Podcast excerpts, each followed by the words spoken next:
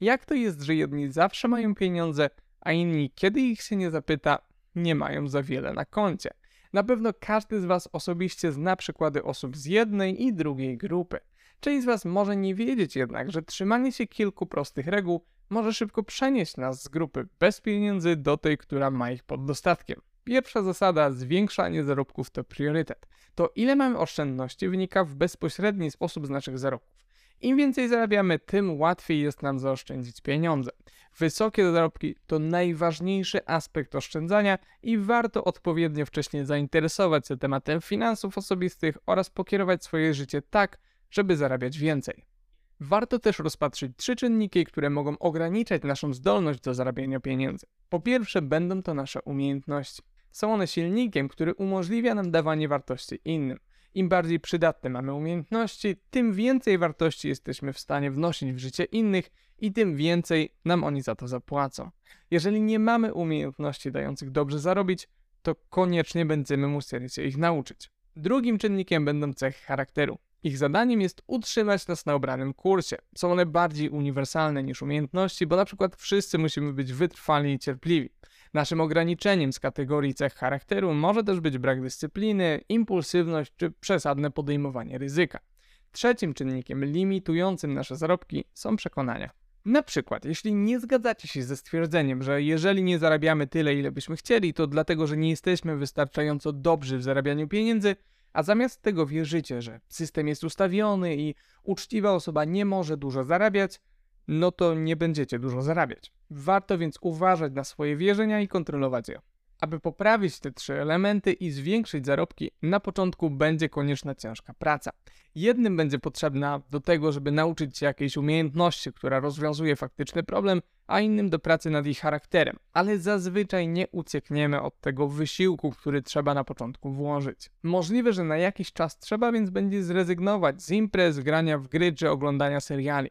Z drugiej strony, warto pamiętać, że im mądrzej umiemy pracować, tym mniej musimy pracować i powinny się dla nas liczyć wyniki końcowe, a nie to, ile czasu na to poświęcamy. Druga reguła to żyj poniżej swoich możliwości. To postawa, którą sprowadzić można do wydawania mniej niż to, na co byłoby nas stać.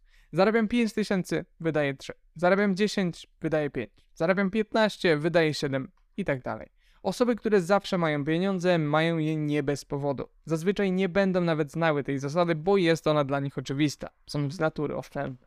Jeśli jednak wy nie jesteście, to nic. Najprostszym sposobem, żeby zacząć oszczędzać bez względu na aktualne zarobki, będzie odkładanie 50% każdej następnej podwyżki. Będzie to też świetnie łączyć się z punktem pierwszym, bo tak jak już wspomniałem, najważniejszym czynnikiem decydującym o tym, jak dużo oszczędzamy, jest to, jak dużo zarabiamy. Wiele osób zmaga się z inflacją stylu życia, czyli im więcej zarabiają, tym więcej wydają. Aby się przed nim bronić, najprościej jest za każdym razem, kiedy zwiększy się nasze wynagrodzenie, jedynie 50% dodatkowej kwoty przeznaczyć na podnoszenie standardu życia, a pozostałe 50% przeznaczyć na oszczędzanie lub nawet lepiej inwestowanie. No i skoro już jesteśmy przy tym temacie, zasada trzecia: nadwyżki finansowe inwestuj w siebie oraz pasywnie. Inwestowanie nie sprawi, że będziecie bogaci. Nie jest ono do tego najlepszym narzędziem. Rolą inwestowania, w mojej opinii, jest pomnażanie kapitału, ochrona pieniędzy przed inflacją i zapewnienie nam środków na emeryturę. Tylko i aż tyle.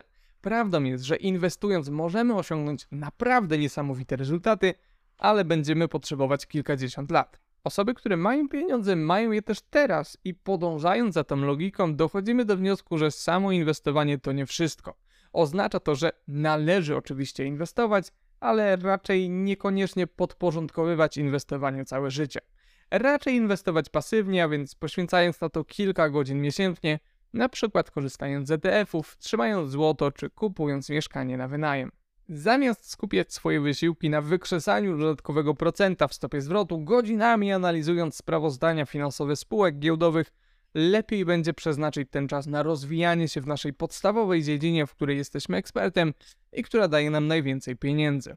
W dodatku, aby jak najlepiej ten czas wykorzystać i szybciej osiągnąć zamierzone rezultaty, świetnym rozwiązaniem może być inwestycja w siebie. Będą to więc kursy, szkolenia, mentoringi, coachingi, warsztaty i oczywiście książki.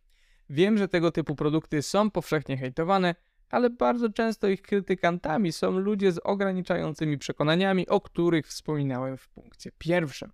Aby nie skończyć tak jak oni, sprawdźcie ten filmik, gdzie zdradzam wskazówki, które pozwalają mi zarabiać 20 tysięcy złotych miesięcznie jako student.